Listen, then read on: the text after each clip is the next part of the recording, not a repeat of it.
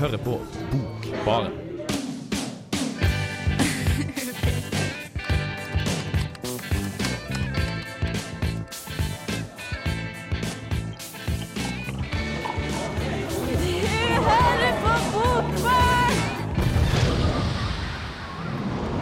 Hallo og velkommen til Bokbarn, du flotte individ. Det her er litteraturprogrammet i Trondheim. Og vi skal feire kjønnet og livet og alt imellom.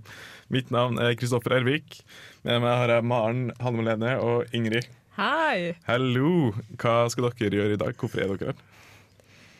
Hvem av oss skal begynne? Skal, vi, uh, du, du, du kan begynne. skal jeg begynne? Å ja, OK. Uh, jeg har med meg, eller jeg og Hanna vi har jo egentlig litt sånn prosjekt sammen vi i dag, har vi ikke det, Hanna? Jo, vi har superprosjekt. Så vi har tatt for oss eh, Aschehoug sin stemmerserie, som vi skal fortelle mer om senere. Men vi har fire av tolv i stemmeserien har vi med oss, faktisk. To hver. Yes, Godt spredd utover utgivelsene, så dette er eh, bra representativt utvalg. Ja, det er rett og slett første, sjuende, niende og tolvte, er det ikke det? Yes, Helt Yes. korrekt. Mm. Så det blir litt av hvert forskjellige stemmer om eh, hva som rører seg blant kvinnene i Norge. Digg å høre på. Uh, hello, Maren. Hei, hei. Hva, hvorfor har du ikke vært der på så lenge? Uh, jeg har ditcha dere. Ja. Ja, nei, jeg dro på ferie til New Zealand og leste masse bøker jeg ikke likte. Uh, Ja. Så nå er jeg tilbake igjen for å snakke om bøker jeg faktisk liker. Bortsett fra i dag. I dag skal jeg snakke om konsepter i bøker jeg ikke liker. Nærmere bestemt Manic Pixie Dream Girl. Fint. Vi har hatt lite konsept da, uh, siden du ikke har vært der. Åh. Ja. Ja, Nå er sånn du går tilbake. Kult. Så fint. Jeg skal snakke litt om 'Trollvinter' av hun som laga Mummitrollet, som heter Tove Jansson. Hun er fin og vakker. Og det er også sangen 'Surf Decadence' med Karok. God dag og hei og hallo og velkommen tilbake til Bokbaren, som er programmet der vi snakker om litteratur. Og vi presenterte oss i sted, men vi gikk ikke helt nærmere på hva vi skal snakke om. Eh, hva skal vi snakke om? Hva stemmer for noe? Ja, hva er stemmer for noe, Hanna? Ja, stemmer. Det er serien til Aschehoug, som eh, da er et forlag, hvis du ikke visste det, eh, som feiret at i 2013 så var det 100 år siden norske kvinner fikk stemmerett. Hurra, hurra for det. Eh, og det feiret de ved å utgi tolv eh, korte essaysamling, kan man vel kalle det. Én i måneden, skrevet av forskjellige kvinner innen forskjellige temaer. Ja, og de er ganske korte alle sammen, sånn maks 100 sider nesten, eller 130 tror jeg det kanskje var noen som hadde. Ja, det Men I er hvert fall korte og lettleste, og, eh, så det er greit å komme seg gjennom, altså, hvis du ikke er så glad i store, tunge bøker om, eh, om vanskelige temaer. Men eh, det er, også spenner det også veldig vidt i temaene, så man kan få en sånn grei allmenn innføring, egentlig veldig mye mange forskjellige samfunnsområder. Det syns jeg er veldig kult. Ja, fordi Ingrid har da med seg for en bok hvor de snakker litt om økonomi, og jeg har med en med litt språk, og så har jeg tidligere name-droppa en av Ravatn som er et langt dikt, og det er liksom mye forskjellige temaer. da. Eh, og det er så utrolig deilig, for det er sånn tid du tenker å dette er kanskje ikke så veldig interessant, men så er det utrolig mange flinke skribenter vi ikke har fått med seg. Så jeg og Ingrid er jo litt sånn at dette her, nå må vi lese alle. Nå har vi jo til sammen lest fem av tolv, så da mangler vi sju. Og vi har vært veldig positive egentlig til alle, så da tenker vi at dette her Altså, jeg skulle så ønske at jeg hadde lest det sånn jevnt i fjor, at det virkelig var en kalender, men det er jo det er ikke sånn at de bare var gyldige i fjor, de er vel gyldige fremdeles. Så det er gøy å ha det som en sånn slags Ja. Les, men jeg tror ikke man trenger å lese det kronologisk, trenger man det? Nei, det gjør man absolutt ikke, jeg. Jeg begynte jo faktisk med nummer én, da. Men, Som er en av de jeg nå skal komme i stikket etterpå. Eh, som er eh, Toril Moi, som skriver om eh, herregud, språk og oppmerksomhet, heter boka som da er stemmer nummer én. Eh, og så hoppet jeg til Hun Ravatn, som er sånn midt i et sted. Og så har jeg da etterpå også nå eh, nummer tolv, som er den siste. Eh, og den er litt spesiell, for da ble det utlyst en konkurranse eh, fra Aschehoug. For de, hadde, de andre så spurte de diverse folk om vil du skrive en stemmerbok. Så sier alle ja, kjempegøy. Men nummer tolv så er det sånn hei, vil du skrive en stemmebok, send inn manus, så kanskje du er en av de heldige som får være med.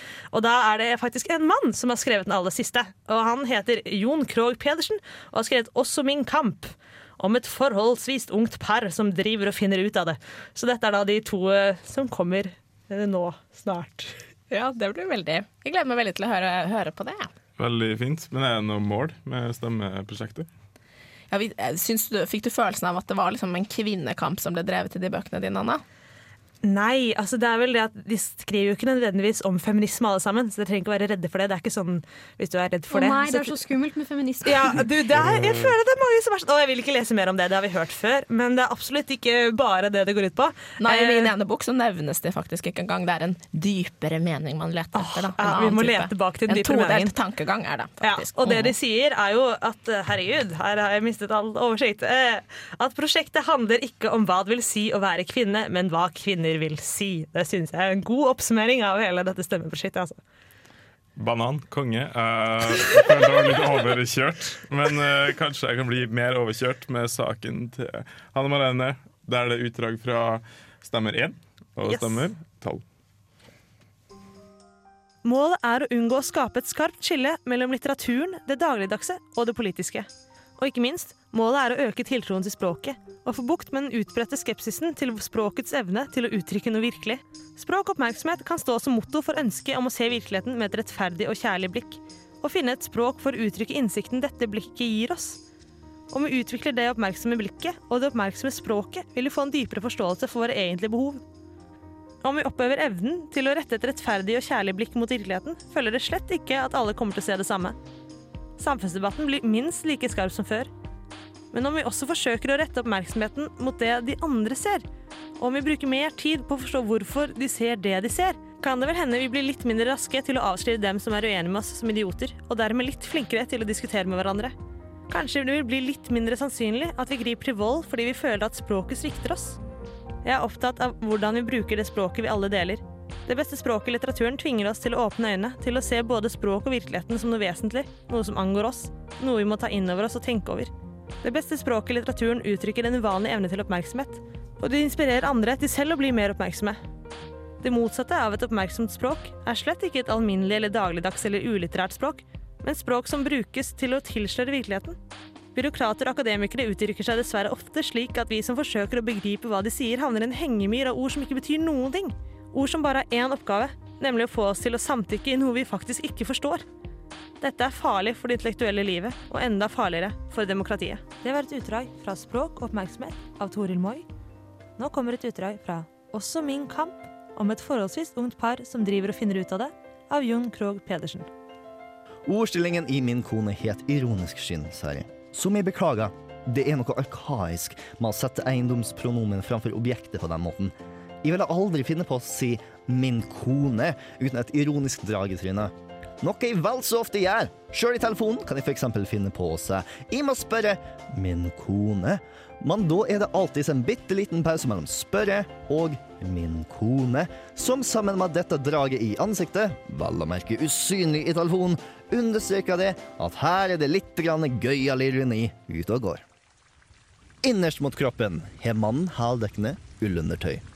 Utenpå lette, sportslige klær av mjuk bomull. Genseren er stukket innenfor linningen på regnbuksen. Strikken i livet omhyggelig stramma. Regnjakken overlappa buksen. Også den stramma med litt strikk lenger ned på hoften. Overlappen danner en vannås, sånn at vannet som renner ned langs jakken, aldri er i nærheten av å renne inn i buksen. Klesdrakten er så vanntett at det får det infernalske regnværet til å virke nesten patetisk i manns øyne. Situasjonen er inni helvete under kontroll. Han har lova sønnen iskrem. Man sier jenta er så dårlig på å snakke positivt om seg sjøl og sine egne prestasjoner.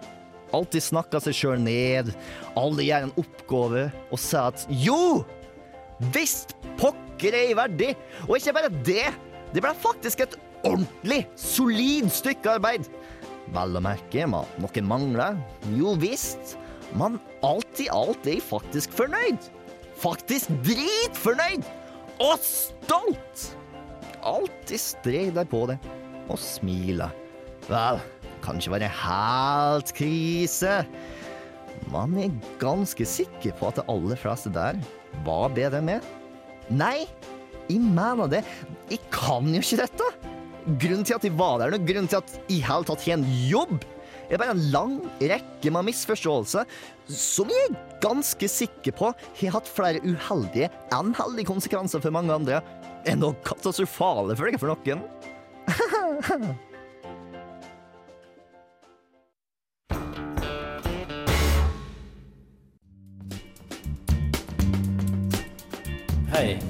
jeg heter Arild Wange og hører på Bokbaren hver tirsdag for å holde meg oppdatert på hva som skjer i litteraturen her til lands og ellers i verden. Bra jobba, Arild Wange. Du hører på Bokbaren, og hvis du er glad i litteratur, så har du funnet stedet.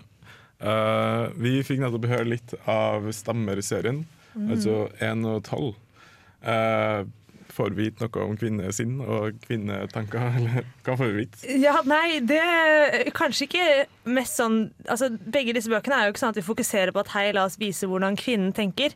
Eh, Toril Moi, som jo er den som hadde stemme nummer én, som skriver om språk og oppmerksomhet, hun skriver at ja, først så vurderte jeg om jeg skulle skrive en sånn La meg skrive om feminisme og sånn, men så er det sånn nei, jeg vil heller skrive om om språk og litteratur, og hvordan man formidler ting gjennom språket. Så hun driver egentlig og bruker hele boka på å fortelle oss at det er veldig viktig å se på andre med oppmerksomhet, som da er da et kjærlig og et rettferdig blikk, er liksom det hun oppsummerer det med. Um, sånn at du skal ha egentlig litt tålmodighet med folk, og du skal prøve å forstå det, men du skal heller ikke være naiv. Det er liksom hovedessensen i hvordan man på en måte skal se på folk. Og så tar hun jo også et oppgjør med som jeg syns er kjempedeilig, som jeg har hatt litt litteraturteori nå, hvor jeg får vite at språk, forfatteren er død og har ingenting å si, og språk og virkeligheten henger ikke sammen, og alt dette her, eh, tar hun et veldig oppgjør med og sier at språk og virkelighet Altså, Du kan beskrive virkeligheten ved språket, og det syns jeg er så utrolig deilig å høre. Og Hun sier at det er nettopp veldig viktig at vi har troen på at språket kan si noe om virkeligheten rundt oss, og at språket kan på en måte Altså at sånne moralske valg og sånn, da, alt går på en måte ut fra språket. Og at selv om det er veldig veldig subjektivt, og du ikke kan ha noen viten som er utenfor dette subjektive språket, så er det på en måte startpunktet ditt. Og det at det er subjektivt, er egentlig bra. Det føler jeg på en måte var en oppsummering av denne Stemmer 1-serien. Ja, det hørtes veldig fint ut. Jeg prøvde å lese litt om dem på Aschehoug-sidene, men jeg fikk ikke så god eh, hva skal jeg si, begrep om det, sånn som du ga meg nå. Så takk. Vær så god. Og takk og takk. Kanskje Ja. vi snakker litt om tolleren. Tolleren også. Også Min kamp. Også er, det, Min kamp. er det en Knausgård-pamplett? Det er jo en veldig tydelig referanse til eh, Knausgård her. Eh, Og det er jo en fyr som går rundt i Han har flyttet til Italia med konen sin og går rundt og er litt sånn halvveis hjemmeværende pappa og triller barnevogn og eh, kjøper seks nye kurver på Ikea for å kunne sortere sengetøy og sånn, fordi det syns han er kjempekult. Eh, men det er så utrolig deilig, fordi han er ikke sur for det. Og, altså, jeg har lest Min Kapp 1 og 2, og jeg ble etter hvert veldig irritert på Knausgård som går rundt og er sur, og den brølende liksom, urhistoriemannen som går inn i ham og er liksom irritert over livet hans. Eh, Det er ikke det han Jon Pedersen er i det hele tatt. Han eh, synes at egentlig at dette livet er helt greit. Som han sier i det utklippet vi hørte, så har han helt kontroll. Og det føler jeg at han har. Samtidig så er det en sånn han driver jo liksom og prøver å skildre et hverdagsliv. Da, er egentlig det Han driver med. Han skriver om hverdagen, og det han sier at han bygger på Toril Moi eh, sin nummer én-stemmer. Altså det er fordi han prøver å liksom vise at man må passe på å se hverandre, også i hverdagen. At han prøver å se sin kone, og hun prøver å se ham. Um, og så Nå falt jeg helt ut! Å, jeg snakket om! Men uh, han er en feminist, i likhet med de andre Han er jo en feminist. Han er jo for at eh, alle skal ha like rettigheter, og da vil jeg jo si at han er ganske feministisk. Og så er det også veldig morsomt, for det er jo en krasj med denne italienske kulturen som han har flyttet til, eh, hvor han, når han går rundt og passer på barnet og tar og skifter bleie på do, så er det litt sånn ståhei og store, rare, merkelige greier. Så han går plutselig er veldig progressiv i den italienske verden til å være en ganske normal norsk mann. Eh, og så har han i det hele en utrolig rar ironisk distanse, som jeg ikke helt klarer å skjønne meg på. For han er liksom så veldig sånn 'dette er mitt liv, og dette er veldig nærme', og veldig sånn. Og så samtidig så er jeg sånn det er jo, Du tuller jo sånn med det. Det er liksom bare sånn som det Å, når jeg sier at det er min kone, så er jo det med en ironisk distanse. Fordi min å si at man eier mennesker. Ha-ha, hva faen? Liksom eier folk. Uh, så det er veldig veldig vanskelig å skjønne, for han prøver liksom å være veldig nær, og nå skal jeg fortelle deg om min hverdag. Og samtidig så er det sånn men jeg ser på hele dette. Altså jeg ser at jeg er så normal, og jeg er en litt sånn femi mann, og jeg har studert litteraturvitenskap og sosialantropologi. Og han sier at det er veldig femi-fag. Ja, det er mange jenter som studerer dette her, sier han da. Sier han, dette har jeg ikke noe imot, fordi jeg er for nyansert, og dessuten syns jeg det er teit å dele det inn at det er litt sånn feministiske, nei ikke feministiske, litt feminine og litt maskuline fag og i det hele tatt. da. Men så mildt oppi dette her, så er det på en måte alltid på en litt sånn der ha-ha, festlig tone, som jeg ikke helt skjønner. Men eh, så jeg syns det ikke ikke. Han, prøver, han er jo autentisk. Han mener jo det. Ja, Det er det som er. Han er autentisk, og samtidig så bare er det jo dritmorsomt. Jeg lo jo hele tiden på sånne helt normale hverdagsbeskrivelser. Eh, på grunn av måten han skriver på. Som, ja. Så jeg, han er på en måte veldig autentisk, og samtidig så er det bare et eller annet der som virker som alt sammen er litt sånn Egentlig så bare tuller jeg med dere. Egentlig så har jeg det enten kjempefælt, eller så kanskje jeg egentlig ikke tenker så mye over dette her til vanlig, og nå skal jeg tenke over det. Og når jeg tenker over det, så syns jeg liksom Jeg må legge på en sånn liten ironisk twist, fordi hvis ikke så er det ikke noe morsomt. Jeg vet ikke. jeg vet ikke hvor det kom fra, men det er dritgøy, så absolutt verdt å lese, altså. Kult. Det er noe som er rart, men noe som er veldig godt med det også. Ja. En fin og god anbefaling. Kanskje vi skal gå litt videre i stam Stemmer-serien. Uh, vi har jo startet veldig godt her. Ja, jeg har med meg både Stemmer 7 og Stemmer 9, som er så forskjellige som en filmskaper og en økonom som har bidratt. Eller en som er både økonom og forfatter. Ja. Ah, ja. Så det er spennende stemmer å utforske. Ja, Kanskje vi skal gjøre det nå? Mm. Stemmer nummer sju. Mariken Holle. Min middag med Harald Eia. Harald, skriver jeg til deg for at du skal lese denne boken? Ja, det tror jeg at jeg gjør. Om jeg ikke nevner ditt navn, så tror jeg ikke du kommer til å lese den. Og ikke min kjæreste om han ikke var min kjæreste. Og ikke min pappa om han ikke var min pappa. Tekster skrevet av kvinner i anledning jubileet for allmenn stemmerett. Skal vi trykke 500? Eller 1000? Jeg leste aldri Amtmannens døtre da jeg gikk på skolen. Den virket kjedelig. Den virket som noe man kunne lese om man var spesielt interessert i kvinnekamp. Og min mamma jobbet i Likestillingsrådet, og min pappa var jazzmusiker og var hjemme med oss. Så jeg var ferdig med kvinnekamp. Jeg var 16 år og likestilt. Jeg leste Lasso rundt fru Luna. Jeg hadde andre prosjekter. Jeg hadde tatt dem frem kvelden før og lagt merke til at når jeg vil fortelle noe menneskelig, som er viktig at når ut til alle, så velger jeg en gutt i hovedrollen. Og jeg hadde nok hørt sånne setninger før, sånne med at mannen er normen, Mannen har det dominerende perspektivet. Bla, bla, bla. Men jeg hadde ikke tenkt over at jeg så sånn på mennesker. At jeg velger å videreføre det. Jeg tenkte tilbake på filmen Hva skjer av Jonathan? som var min avgangsfilm fra Nordland kunst- og filmskole. Jeg laget den i 2005, da min bestefar ble 80 år. Han og 20 andre mellom 60 og 80 spiller tenåringer på leirskole. En guttegjeng og en jentegjeng. Hvordan mennene slapp seg mer løs var morsommere. At i den ferdige filmen er det sikkert 70% gutter og 30% jenter. Selv om jeg hadde nesten like mange skuespillere av hvert kjønn. At jeg ikke tenkte at hvorvidt de var morsomme eller ikke, hadde noe med meg som regissør å gjøre. Jeg tenkte bare jeg filmer det jeg synes er morsomt. Jeg klipper frem det jeg synes er morsomt. Jeg skriver det jeg har lyst til å skrive. Det som føles naturlig. Stemmer nummer ni. Karine Nyborg, to stemmer. Hva betyr det å bruke hodet og hjertet i samspill? Jeg er ikke helt sikker. Jeg tror jeg har tenkt noe i retning av at når den ene jobber, må den andre konsulteres. Kanskje er dette en fin modell i de fleste situasjoner, men likevel er det noe begrensende over tanken. For den forutsetter i utgangspunktet at de to er separate og er de så separate at de ikke forstår hverandre, så kan de antagelig lage mye rot når de slippes inn i hverandres domener. Hjerneforskere sier at nye forbindelser i hjernen skapes hele tiden, og at en av måtene dette skjer på, er via trening. Nye nerveceller bygges når hjernen merker at de trengs. Og jeg tenker at det kanskje er trening jeg har manglet.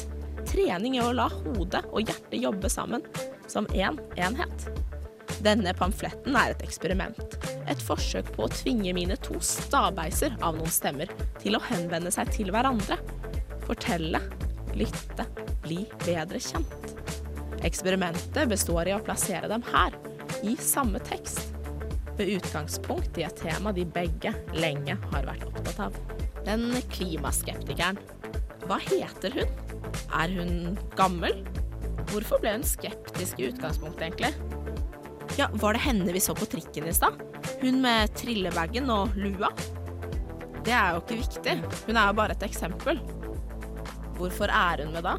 Er det ikke det generelle du er opptatt av? Åh, kutt ut! Jeg heter Anne B. Ragde og er forfatter. Og når man er forfatter, så hører man selvsagt på Bokbarn så ofte man har anledning. Det gjør du, Anne Bragde. Jeg heter Kristoffer L. Ervik. Du hører på Bokbarn, som hun så vakkert sa.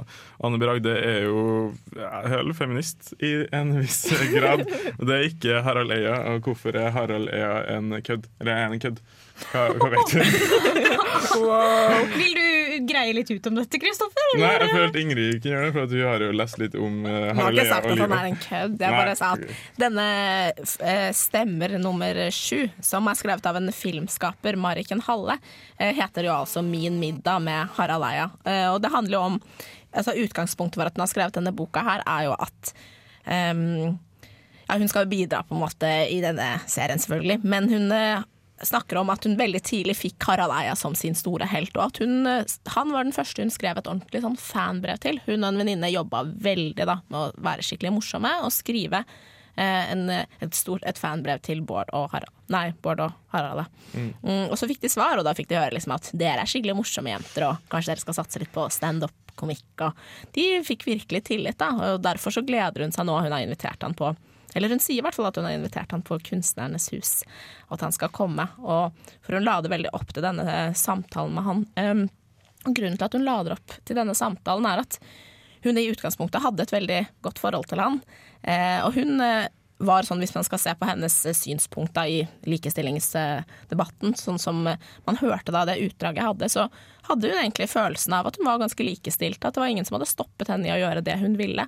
Mens mens hun var i Sverige da, og utdanna seg til å bli filmskaper, så gikk denne Hjernevask-serien til Harald Eia født sånn, eller blitt sånn. Eh, og da ble hun rett og slett litt i tvil da, egentlig om hva er, hva er vi medfødt med, og hva, eh, hvilke muligheter har vi som enkeltmennesker til å gå ut av de rammene som kanskje biologien eller miljøet har gitt oss. Eh, og da syns hun ikke at Harald Eia var så åpen for å forstå enkeltmennesket som hun hadde trodd. Så hun eh, er egentlig ikke så fan av han lenger som hun var. Eh, og hele denne middagen, eh, som han aldri kommer til, da, eh, det lades virkelig opp til at hun skal konfrontere han med det, eller hun stiller spørsmål til han gjennom hele boka. Men, eh, men jeg vet ikke helt om hun Hun liker han på en måte, men samtidig ikke. Hun syns ikke han var så åpen og som hun hadde trodd. Ja, men kanskje vi finner noe i to stemmer er noe bedre der. Ja, eh, i to stemmer. Eh, så er det egentlig aldri noe eh, fokus på at det er de to kjønnene vi snakkes om, men det er da en eh, dame som er både økonom og skjønnlitterær forfatter, som leter etter da hva som er Hvordan disse to stemmene kan møtes, hvordan de kan snakke sammen og utfylle hverandre. Eh, og hovedfokuset hennes er egentlig den, det økonomiske mennesket, som man fokuserer på økonomien, da, som tenker rasjonelt og som alltid tenker nytte da, og kanskje er ganske egoistisk. Eh, at man også nå kan begynne å se på bruke andre fagfelt for å utvide forståelsen av det økonomiske mennesket.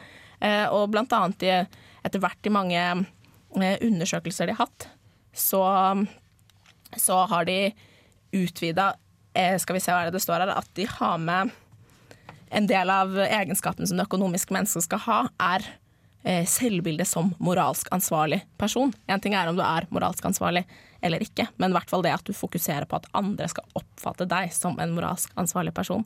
Så det handler rett og slett om ansvar, da. Ja. Denne boka her. Ansvar. Om ansvarsfraskrivelse, ansvarsløshet og det ene med det andre. Og det ene med det andre og livet og kvinner og Ja. alt er fint. I Men det viktigste er i hvert fall det at hun Denne todelingen er det hun er opptatt av å bryte. Ja, forfatter og forsker. Det skal Ja, ha to, og kanskje kjønn også. Og kjønn. Mann og dame og ja, så fint. Jeg synes det er veldig kult. Jeg liker stemmeserien. Kanskje jeg skal pløye meg ned i den. Mm. Eh, I mellomtida så kan jeg gå ned i Lesson 16 for Beatmaster with Fun. Det var en lang tittel med Death Crush.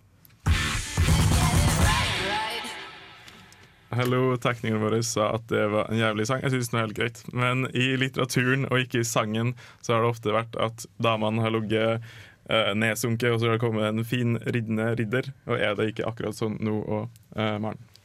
Vel, i akkurat dette tilfellet uh, så er det faktisk akkurat omvendt. Ah. Aha. Jeg har Aha. nemlig tatt med meg litt informasjon om begrepet Manic Pixie Dream Girl. Mm. Som er jenter som er skapt utelukkende for å redde menn Aha. fra den onde skjebne som er å være alene. Ha, kvinnedagen! Oh yes. Eh, så Jeg har vel egentlig sett det som et litt sånn feministisk prosjekt å vise at eh, denne type kvinnerolle verken er bra for kvinner eller for menn. Ah, så fint. Har du lyst til å utdype hvorfor det er bra og hvorfor det er dårlig? Det gjør jeg faktisk i eh, det som kommer, så hvis du bare holder deg fast, Jeg prøver. Jeg Yes. så kommer det om ca. to minutter. Du kommer som en reddende person, som en manic pixie dream girl. Ja. Jeg skal unnskylde at du kalte meg det nå, fordi du har ikke hørt saken ennå. Eh. Men etterpå Nei da. Nei da, de kan være søte, de altså, men, eh, men de er kanskje ikke så veldig bra å ha så rollemodeller. Men det er en veldig ny ting at det er veldig mange reddende Eh, vel, faktisk argumenteres det for at eh, Marilyn Monroe er den første kjente. Mm. Eh, så nei, det er ikke veldig nytt. Det har, eh, som de fleste klisjeer i filmverden, gått igjen og igjen og igjen. Og igjen og igjen Og det har også spredd seg til litteraturen, og nå går den igjen der òg. Yes, yes. Ja Fint. jeg kjenner jo den fra Doctor Who, for at jeg er en supergeek.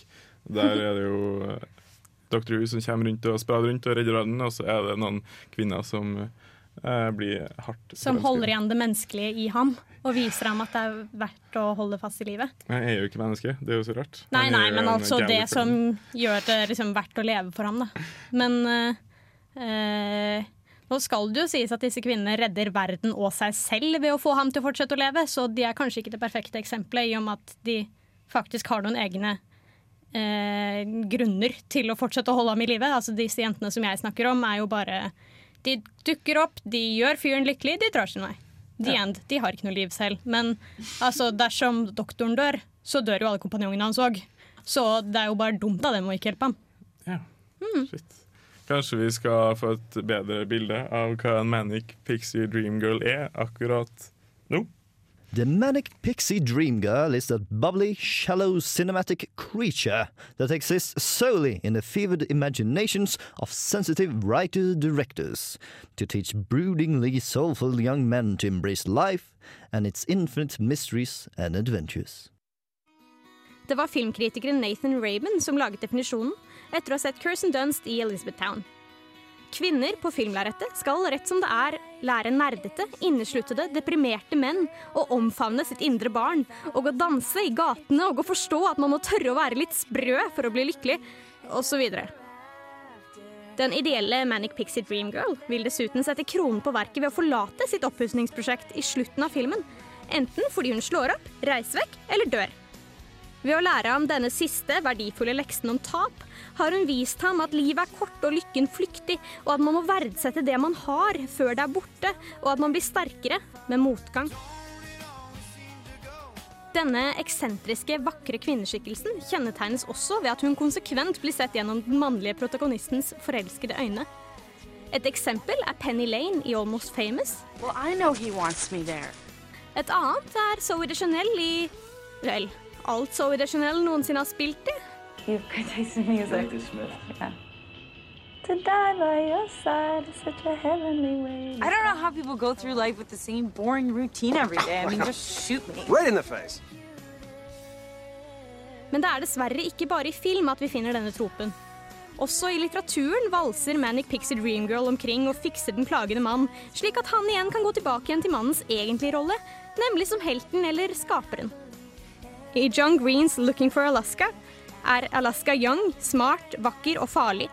Midtveis i boken blir de søte, rare problemene som gjør henne så spennende i protagonistens øyne, så uoverkommelige for henne at de blir hennes død.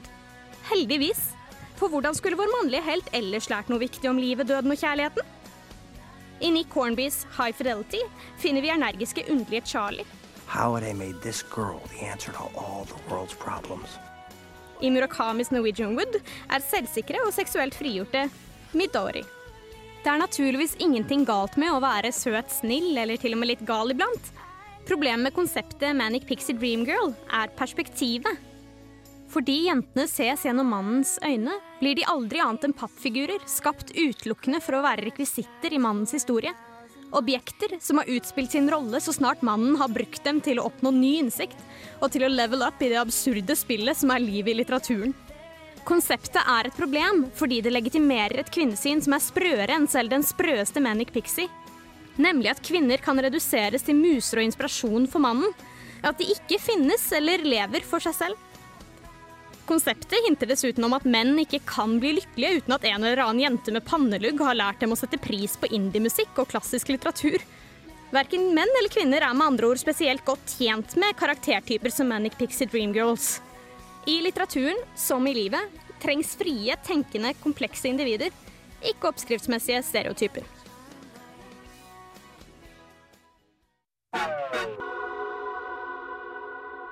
Uh, hi, it's uh, Jakob Minsti, and you're listening to Bookbaren at Radio World.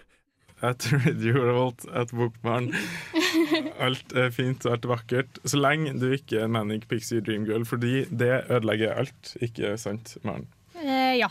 Med fare for å virke overdramatisk. Ja, det gjør det. Ingen har noen roller. Og kanskje vi skal snakke litt om 500 Days of Summer, som jeg ikke har sett. Men som eh, jeg vet at det er ei jente som kommer og ordner livet til en fortapt ung mann. Ja, det er jo en uh, deprimert ung uh, wannabe-arkitekt som er blitt stuck i livet sitt og som ikke klarer å komme seg videre fordi at han uh, tør ikke å satse. Men så møter han en fantastisk jente, og så tør han plutselig å satse fordi han vil være verdig henne, osv. osv. Uh, men det som er litt interessant med den filmen, er at Zoe de Chanels rolle blir holdt frem som liksom den verste arketypen på Manic Pixie Dream Girls. Mm. Og så mens jeg nå satt og laget saken eh, rett før vi skulle inn i studio fordi jeg var for sent ute, eh, så kom eh, Bård fra Kontroll Alt Mm. og kommenterte at er det ikke litt ironisk at hun blir holdt frem som det? Fordi at den filmen er visstnok laget som en kommentar på nettopp begrepet Manic Pixie Dream Girl. Så poenget skal visstnok være at eh, se, hun eh, virker som det, men så er hun ikke det. Og argumentet for at hvorfor hun ikke er det, er at hun sier til ham at sånn, du må slutte å projisere alle dine ønsker og kjærlighet på meg, fordi jeg er en vanlig jente med vanlige problemer. Uh, problemet er at alle problemene hennes er skikkelig sånn påstandshelvetesgreier. For det er på en måte Uh, F.eks. eksempel hennes store problem som er at foreldrene hennes ble skilt. Og jeg antar at det Altså, jeg har heldigvis ikke vært der selv, men jeg antar at det kan være veldig skjellsettende. Men det drukner på en måte litt grann i en sånn lyserosa-blå montasje av klipp. Hvor det er sånn Å, hun ble lei seg, så hun klippet håret sitt. Så at det blir liksom Det blir redusert til en sånn utrolig liten greie som man ikke kan tro på at det har hatt noe å si for henne. Så alle problemene hennes blir bagatellisert, og da er vi jo tilbake der vi startet. Så da er hun jo plutselig Manic Pixie Dream Girl allikevel. Og det gjør det jo litt ekstra trist, da, til og med når folk faktisk prøver å gjøre et oppgjør med denne forferdelige karakteren, så blir hun der! Søren meg! For alltid! Til og med i Hitchhiker's Guide to the Galaxy, som er en av de beste bøkene som noensinne er skrevet, så klarer de å gjøre Trillion til en Manic Pixie Dream Girl. Og det er hun ikke i boken, og det er så trist at hun blir det i filmen, fordi hun kunne blitt så mye bedre enn det. Ja, der spiller det også fra Zoe. Eh, Ja, jeg er kanskje ikke Zoes største fan. Nei. Men uh, for å oppsummere ting. Uh, jeg ble kalt for snusumrikken da jeg var liten, for at jeg var jeg forsvant rundt omkring. Om jeg var veldig tjukk, så jeg var egentlig en snusumrikk-ball. Eh, men eh, har du en ideell person, en vi kan rette oss etter, en- istedenfor å irritere? Altså, Jeg vil jo egentlig at vi skal rette oss etter Snusmumrikken, så det var egentlig veldig fint at du sa. For det er en karakter som gjør som han selv vil, og som tenker, og som er eh, rar, men individualistisk, og som bryr seg om andre. Ja, mye F i uh, Mummitrollet. Mummitrollet sitter bare Du, han gjør jo egentlig ikke det. Han er jo egentlig glad i Mummitrollet, men han er en pussig skrue selv. Han har mye å stri med. Hm.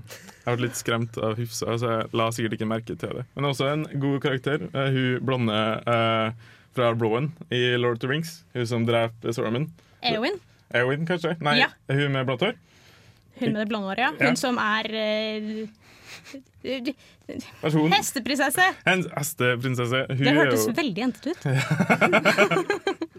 Jeg skjønner. Men Lord Rings er jo egentlig kanskje verdens mest feministiske bok, hvis du bare ser på den delen der hun drept Ja, hvis du ser på typ Arven, som bare, i hvert fall i filmene, løper rundt i sine gjennomsiktige kjoler og bare Å, jeg venter på denne mannen og mitt barn. Så er det kanskje ikke like fabelaktig, men altså det Nei. bare tenk at hun dreper Saruman, Det så er er sant. alt fint. Eowyn eier. Ja, Eowyn er best. Bow! Og da kan du tenke på det mens du hører på Sun Models av Odessa. Hei, det er Pedro Carmona Alvarez. Du hører på Bokbaren på Radio Revolt. Hallo, Pedro. Hallo, verden. Og ha det snart til Bokbaren, fordi vi er ved veis ende. Eh, jeg har laga en rakett, men jeg får ikke vise den på radio. Det er veldig vanskelig. Den har sånn eh, flammer på bak og så veldig korte vinger. Og så har den litt sånn blyantspiss uh, spiss. Men den er veldig fin. Uh, hva har dere gjort i dag? Vi har stemt i for stemmeserien fra Aschehoug, har vi ikke det? Åh, det har vi. Eh, tidenes eh, beste serie. Det kan jeg kanskje ikke si. Men akkurat nå, min favorittserie. Eh, hvis noen her hører på og kjenner meg, så ønsker jeg meg alle disse til bursdagen min som jeg ikke har fra før. For Det er jeg som slenger meg på. Jeg har bursdag 14. april, ikke så lenge til. Bare å kaste inn. ja, jeg har halvtårsdag 16. april. Til meg da. Men veldig variert hva kvinner kan komme med. Eller hva mennesker kan komme med, kan vi kanskje heller Hva si. mennesker kommer, for det er også da én mann i denne serien. Bra for han. Uh, Maren, hva har du gjort? Uh, tja, for å ta en intro i stil med de andre. Jeg har bursdag 30. april, uh, og jeg ønsker meg ikke en Manic Pixie Dream Girl. Nei. Det er nemlig det jeg har snakket om i dag, og jeg liker dem ikke. Nei. Nei. ligger i snusmusikken. Det er sant. Nei, vet kan. Eh, Tove Jansen er 100 år. Eller hun ble født for 100 år siden, tror jeg. Ja. Hun lever ikke ennå, dessverre. Hun er død. Ja. Død snakka om i Finland. Eh, og det kan jeg også lese om i Underdusken om eh, to uker, om eh, finsk litteratur. Ha-ha! En blasting.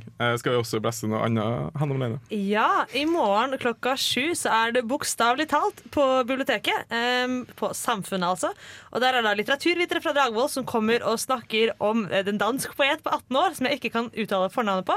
Så jeg sier at han heter Yahya Hassan. Det kan hende at han heter Yahya Hassan eller noe i den dur. Yolo. Eh, men som har satt fyr på Ja, eller Yolo Hassan. Som har satt fyr på Danmarks eh, litteratur og faktisk klart å lage skikkelig oppstyr, opps, oppstyr, oppstuss eh, i litteraturen. og det er lenge siden noen har gjort. Eh, så han, når han var i Norge nå for ikke så veldig lenge siden, så måtte han ha politieskorte, og det er ikke måte på, da, så han har klart å virkelig provosere.